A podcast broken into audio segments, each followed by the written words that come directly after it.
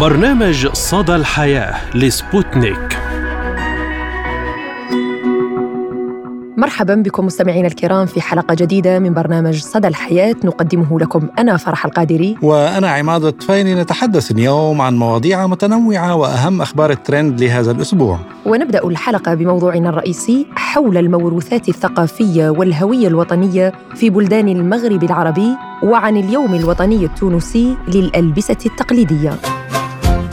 يعتبر التراث الشعبي ثروة كبيرة من الآداب والقيم والعادات والتقاليد والمعارف الشعبية والثقافة المادية والفنون التشكيلية والموسيقية التي تتميز بها الشعوب والدول. والمنطقة المغاربية تشترك في عادات وتقاليد مختلفة وإرث متنوع على عديد من المستويات منها الثقافي والمعماري والحضاري وحتى على مستوى المطبخ واللباس. هذا التقارب الثقافي وليد تاريخ مشترك من خلال الحضارات التي مرت على المنطقة المغاربية بدءا من سكان المنطقة الأصليين وهم الأمازيغ الموجودون إلى يومنا هذا في مناطق عدة إلى باقي السكان في المغرب العربي الكبير. فلطالما كان تراث الأمم ركيزة أساسية من ركائز هويتها الثقافية وعنوان اعتزازها بذاتيتها الحضارية في تاريخها وحاضرها ومنبعا للإلهام ومصدرا حيويا للإبداع المعاصر. إن التراث الثقافي للأمم ليس معالم هندسية وأثرية فحسب،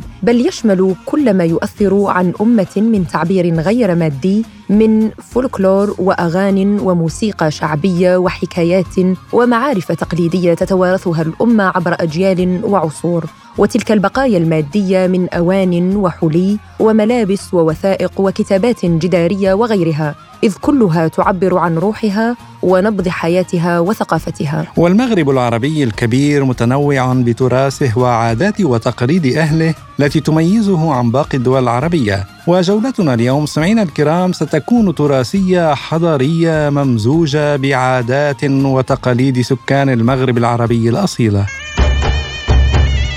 في بالك؟ ونبدأ من تونس الخضراء التي لطالما سحرت كل من زارها بجمالها وروعة مبانيها وانفرادها بطابع معماري يجمع بين حضارات متعاقبة من بيزنطية ورومانية وحفصية وإسلامية وغيرها ما زالت شامخة حيث عجز العمران الحديث عن إلغاء قيمة وجمال المنازل التي توارثتها الأجيال وحافظت على رونقها التراثي بعمليات ترميم دورية تحرص عليها تونس العاصمة. وما يميز تونس هو منازلها المربعه التصميم ذات الأبواب المقوسة والمزخرفة برسومات محددة كرسم سمكة صغيرة أو أصابع اليد الخمسة بغرض إبعاد العين والحسد وقد ظل هذا الاعتقاد سائدا إلى اليوم. فمعظم الأبواب التقليدية المستحدثة لا تكاد تخلو من تلك الرسومات ويغلب عليها اللون الأزرق فيما يغلب اللون الأسود على باقي الزخارف والنقوش. ويتزامن يوم السادس عشر من مارس مع اليوم الوطني للألبسة التقليدية في تونس الخضراء وهذا التاريخ يعد احتفالا سنويا منذ عام 1996 حيث يرتدي فيه التونسيون لباسا تقليديا في المؤسسات العمومية على غرار المدارس والمعاهد والجامعات وذلك احتفالا بلباسهم التونسي الأصيل. هذا وتسعى تونس من خلال هذه المناسبة إلى التعريف بالهوية التونسية والترويج للسياحة ورد الاعتبار للباس التقليدي التونسي والتشجيع على الاستثمار في مجال الصناعات التقليدية. وحتى نتحدث أكثر في تفاصيل الحفاظ على التراث نستضيف معنا من تونس العتيقة الإعلامية والناشطة التونسية وصاحبة جمعية التراث والموروث التونسي السيدة ناجية علوي أهلا وسهلا بك سيدتي الكريمة وشكرا لك لتلبية الدعوة. آه شكرا لك سيدتي ولكل متتبعيك ومستمعيك على إذاعة سبوتنيك الناطقة بالعربية. آه سيدة ناجية يعني يقال أن التراث هوية متجذرة في اللاشعور، برأيك إلى أي مدى ترين علاقة المغاربة عموما بتراثهم ورغبتهم في الحفاظ عليه؟ آه هو بداية نعطي لمحة عن اليوم الوطني لللباس التقليدي التونسي الذي انطلق آه، كل 16 آذار من كل سنة منذ سنة 1996 والهدف من هذا اليوم الوطني لللباس التقليدي هو التعريف بالهوية التونسية والترويج للسياحة وبالتالي رد الاعتبار لللباس التقليدي التونسي لأنه الهوية المتجذرة آه، يعني المحافظة عليها وتمريرها من جيل إلى جيل آه، لازم يكون هناك يعني تمشي وهذا اليوم الوطني من كل سنة لي يعني تواصل اللباس التقليدي والهوية والتجذر والأصالة لكل بلد مغاربي وتونسي بالتحديد برأيك سيدة ناجية هل الحفاظ على الموروث الثقافي هو من يحفظ وجود الأمة والشعوب؟ نعم نعم لأنه آه، من لا ماضي له لا حاضر ولا مستقبل له ونحن نستمد هويتنا وتأصلنا وجذورنا ومن من تاريخنا ومن هويتنا ومن لباسنا الذي يميزنا عن غيرنا. فمثلا اللباس التونسي الأصيل يتنوع من من جهة إلى أخرى وثري جدا يعني ثري بالحضارة ثري بالديانات بالحضارات التي مرت على البلاد التونسية وهذا ينطبق على كل البلدان. الجزائر المغرب ليبيا يعني كل البلدان المغاربية.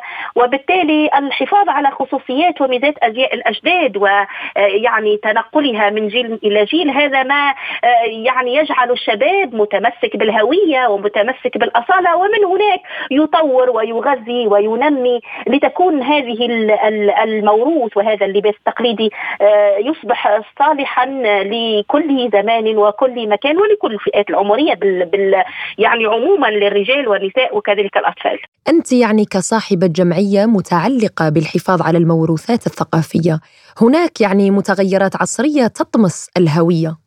نعم احسنتي أنه هذه الهويات الدخيلة أو الموروث الدخيل أو الموضة والأزياء الدخيلة علينا قد تطمس آه، آه، يعني موروثنا التقليدي من أزياء ومن لباس. ومثل هكذا تظاهرات مثل اليوم الوطني لللباس التقليدي الذي نحن في تونس مثلا تقريبا آه، يحتفل به كل التونسيين في المؤسسات العمومية والمؤسسات الخاصة. مثلا في المدارس تقريبا نعيش على وقع هذا الاحتفال تقريبا على مدى أسبوع أو عشرة أيام. ونحن الآن في هذه الأيام نعيش على وقع الاحتفالات فترين المدارس ومحاضن الأطفال والمعاهد والجامعات والمؤسسات العمومية من إدارات. آه، حتى الموظفين تجدينهم يلبسون اللباس التقليدي التونسي لما يتميز من من من جمال ومن تطوير وحتى لو وقع التطوير وتحديث الموروث إلا أنه بقي يحافظ على الهوية وعلى الركائز الأساسية للجمال. وأيضا هناك مسابقة كبيرة جدا آه، اسمها جائزة الخمسة الذهبية آه، كجائزة رمزية وجائزة يعني قيمة جدا اسمها آه، جائزة الخمسة الذهبية لأحسن ابتكار في اللباس التقليدي. يعني جائزة للابتكار والتطوير وتحديث اللباس التقليدي التونسي مع أنه يبقى يحافظ على الرمزية وعلى الموروث. وهذا يعني من الأسباب اللي تخلينا نحافظ على الموروث وبالتالي هو هناك أسباب اقتصادية يعني في في المقابل هو الترويج للسياحة التونسية. والتشجيع على الاستثمار في مجال الصناعة التقليدية وبالتالي فتح فتح السوق للحرفيين وأصحاب الصناعة التقليدية يعني للعمل وحتى للتصدير يعني ولفتح أسواق أسواق يعني تصدير عالمية وأوروبية وخارج البلاد يعني. يقال فقدان التراث فقدان للذاكرة كيف برأيك يمكن للأفراد الحفاظ على موروثاتهم الثقافية هل هي أو هو مسؤولية فردية أم مجتمعية وحكومية؟ نعم كنت أشرت أن اليوم الوطني للباس التقليدي آه، حدد و آه، يعني منذ سنة 1996 آه، وكانت ببادرة من السلطة التونسية ومشكورة عليه لأنه أصبح عيدا يحتفى به كل سنة. وصارت عادة عندنا أن إحياء التراث واللباس التقليدي والموروث التونسي أصبح عيدا وطنيا معترفا به وبالتالي يعني وكأنه ساهم في إحياء التراث وفي تجديد الذاكرة لدى المواطن التونسي. هي مسؤولية مشتركة ما بين الدولة وأفراد المجتمع والمجتمع المدني خاصة. بادره يعني من الحكومة وبالتالي المجتمع المدني من جمعيات ومن مؤثرين وفاعلين في المجتمع المدني يعني يستندون على هذا اليوم الوطني لللباس التقليدي أو العيد الوطني لللباس التقليدي لإحياء الذاكرة ويعني احتفالا باللباس التقليدي والصناعات التقليدية وبالتالي المسؤولية مشتركة ما بين الأفراد والمجتمع المدني والحكومة. برأيك يعني هل المعمار الجديد والمدخلات العصرية الجديدة وحتى يعني الامتزاج الثقافي بين الشعوب حول العالم أثر سلبا على الحفاظ على تراثنا؟ هو برأيي أن التحديث له حدود يعني التحديث أو التطوير أو التجميل أو مواكبة الموضة العصرية والعالمية دون المساس بالأصل دون المساس بالموروث بالموروث يعني الأصيل آه، من أزياء تونسية. مثلا نحكي إنه أكثر أكثر اللباس التونسي المشهور في تونس هو الجبة التونسية. هو ثوب مفصل مطرز مخيط. يعني قد قد تجتهد في التطريز في اللون في الخيط في الأشكال التطريز لكن الجبة تبقى هي هي الجبة التونسية أو الكدرون المطرز للباس النسائي أو ما يقال بالفوطة والبلوزه يعني الأصل يبقى والتطوير يكون فقط في الجزئيات البسيطة في الألوان في نوعية التطريز في إضافة أشياء صغيرة دون طمس الأصل ودون طمس يعني اللباس الأصيل التونسي يعني. نرى أن كيف في المغرب العربي هناك هناك حفاظ مميز على العادات والتقاليد وكل ما له علاقة بالتراثيات من ملبوسات ومأكولات وفنون وحرف. هل برأيك ساهمت مواقع التواصل الاجتماعي بنشر هذا التراث أكثر والحفاظ عليه أم أثرت سلبا؟ لا والله أنا أرى انه المواقع التواصل الاجتماعي يعني أرى انه في الأعراس مثلا التونسية أو الجزائرية أو المغربية وكانه هناك عودة كبيرة جدا للموروث المغاربي فالعروس عندنا أو في الجزائر أو في المغرب أو في ليبيا وكأن صار اللباس التقليدي والموروث لباس الأجداد أصبح يعني ركيزة أساسية في الاحتفال وفي الأعراس. فالعروس التونسية ولا الجزائرية ولا المغربية ولا ايا كانت في البلاد المغربيه المغاربية تكون يعني فخورة بلباسها والمتأصل والأجداد فساهم المواقع التواصل الاجتماعي في انتشار وتحبيب الجيل الصغير اللي هم أولادنا وصغارنا وشبابنا في الموروث. وأصلا حتى مصممي الأزياء المغاربية صاروا يجتهدون على الموروث وعلى اللباس التقليدي الأصيل لتطويره ويعني آه، تصديره حتى للبلدان الأوروبية. ونحن مثلا عندنا مثال كثير من مصممي الأزياء التونسيين اللي صدروا الجبه التونسية والفوطة والبلوزة التونسية إلى المشاهير العالم يعني لبسوا أزياء تقليدية تونسية. في سؤال أخير يعني كيف ترين دور كذلك الشخصيات المشهورة في المحافل الدولية وتأثيرها على المتابعين لدعم التراث الوطني. نعم واحسنتي لأنه المهرجانات الدولية آه، كإن كانت موسيقية أو شعريه أو مسرحية أو سينمائية آه، نأخذ على سبيل المثال أيام كرتاج السينمائية أو أيام كرتاج المسرحية كان المشاهير يتعمدون آه، إضافة حتى ولو يكون لباس عصري لكن فيه يعني إشارة لللباس التقليدي كان فيه رمزية تقليدية أو وهذا الحقيقة يعني يشكرون المشاهير على هذا لأنهم هم مؤثرين في نهاية الأمر على الشباب وعلى المتابعين عندهم نسبة متابعين كبيرة فتأثيرهم من خلال لباسهم في المهرجانات الدولية أو المحافل الكبيرة إنهم يأثروا على المتابعين ب آه، يعني آه، ترسيخ هذه اللباس التقليدي أو الرجوع إلى لباس الأجداد أو آه، يعني تدعيم الهوية والرجوع إلى الهوية التونسية أو المغاربية ككل. نعم التأثير المشاهير والمؤثرين على مواقع التواصل الاجتماعي ايا كان التأثير آه، يجب أن يكون إيجابي ويجب أن يكون آه، يعني متابعة لترسيخ الهوية والتجذر والأصالة والعودة إلى موروث الأجداد الذي نفتخر به ككل يعني. الإعلامية والناشطة التونسية وصاحبة صاحبة جمعية التراث والموروث التونسي السيدة ناجية علوي. شكرا لك على هذه المداخلة. شكرا لك سيدة ناجية على هذه المداخلة. شكرا شكرا لك ولكل متتبعيك ولكل فريق العمل معك. اللباس التونسي الأصيل يتميز بتنوعه وثرائه واختلافه من جهة إلى أخرى وقد ساهم الحرفيون في تطويره مع مرور الوقت حيث تمكن الحرفي التونسي من الحفاظ على خصوصيات وميزات أزياء الأجداد. وقد تنوع اللباس التونسي وتم تطويره ليظل مناسبا للزمان والمكان ولكل الفئات العمرية. فنجد لباسا مخصصا للرجل ولباسا للمرأة كما نجد لباسا تقليديا مخصصا للأطفال.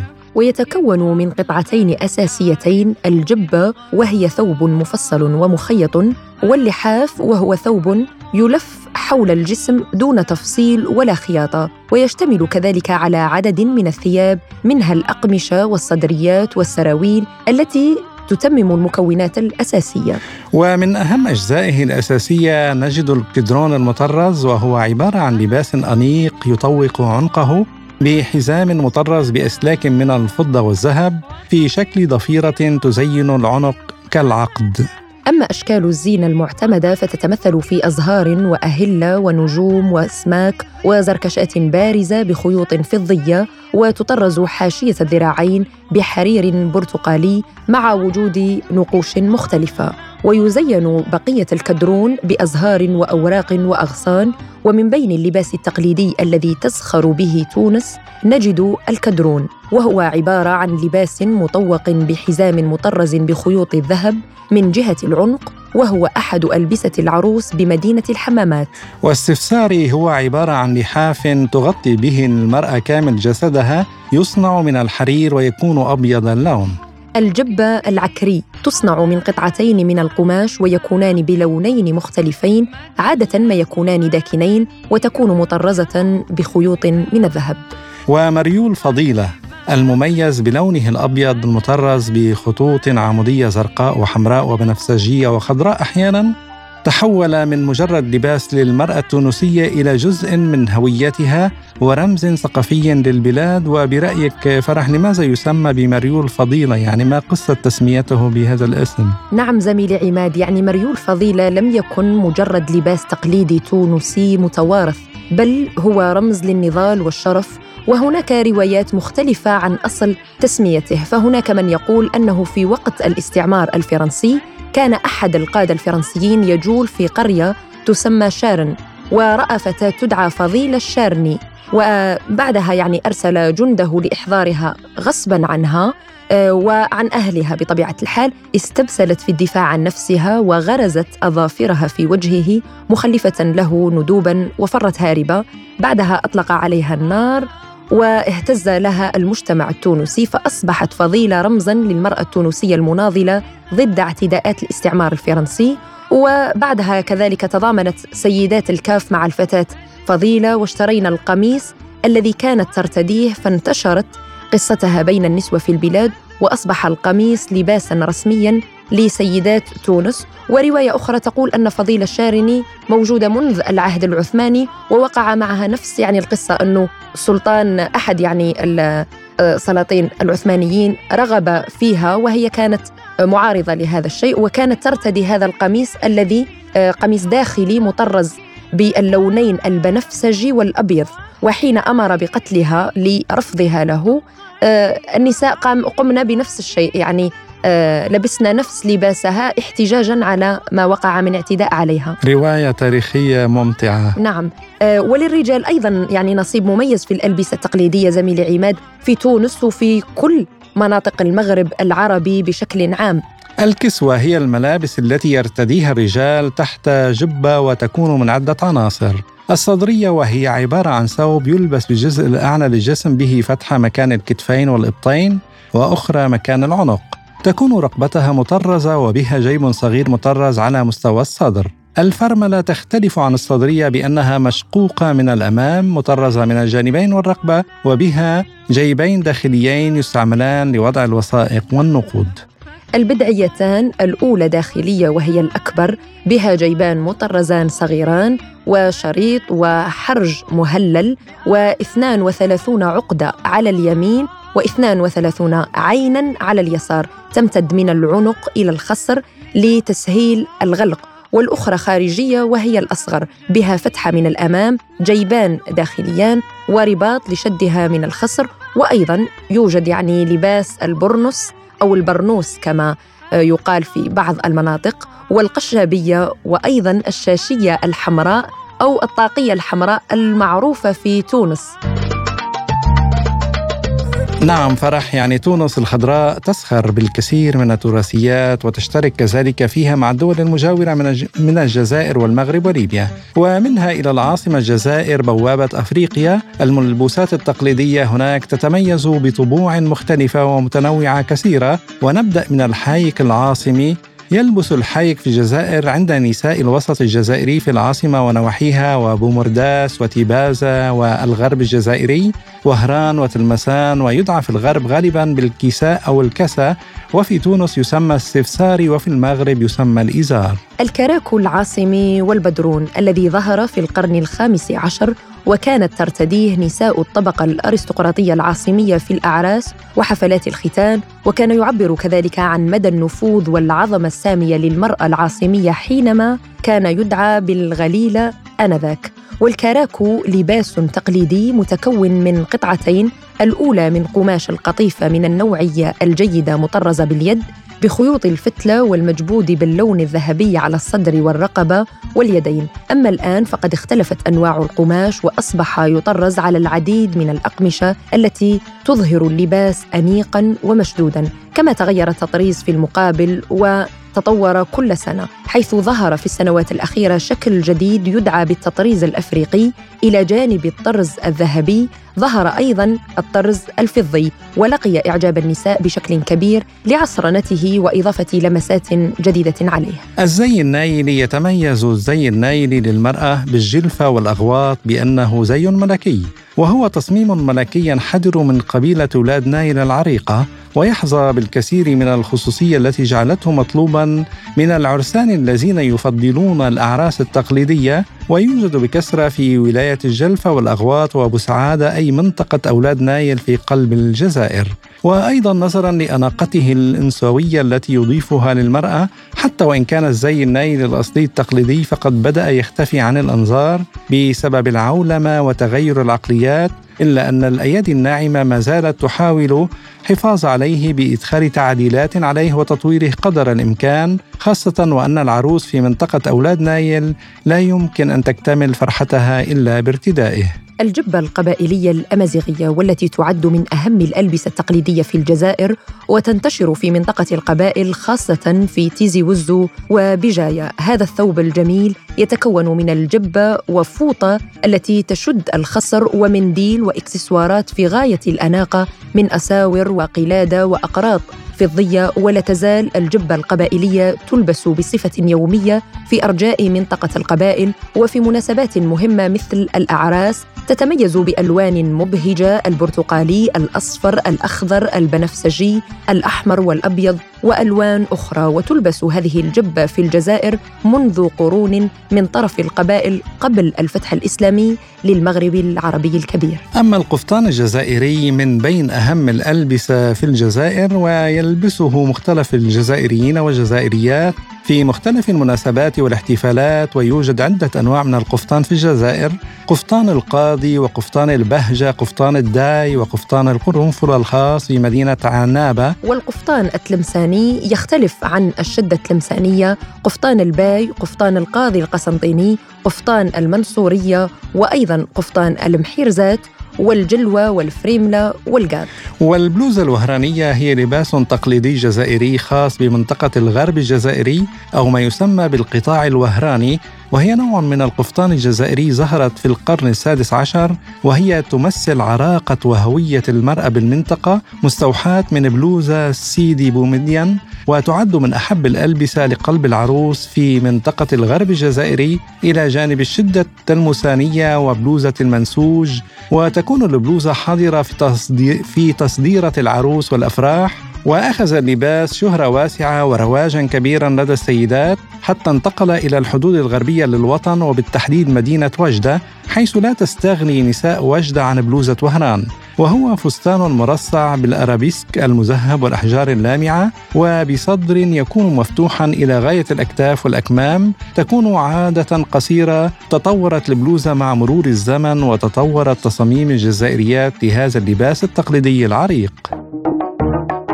وإلى المغرب أين يوجد تنوع تراثي وحضاري في مختلف أنواع الألبسة التقليدية التي لا يزال المجتمع المغربي إلى اليوم يحافظ عليها ويتوارثونها ابا عن جد.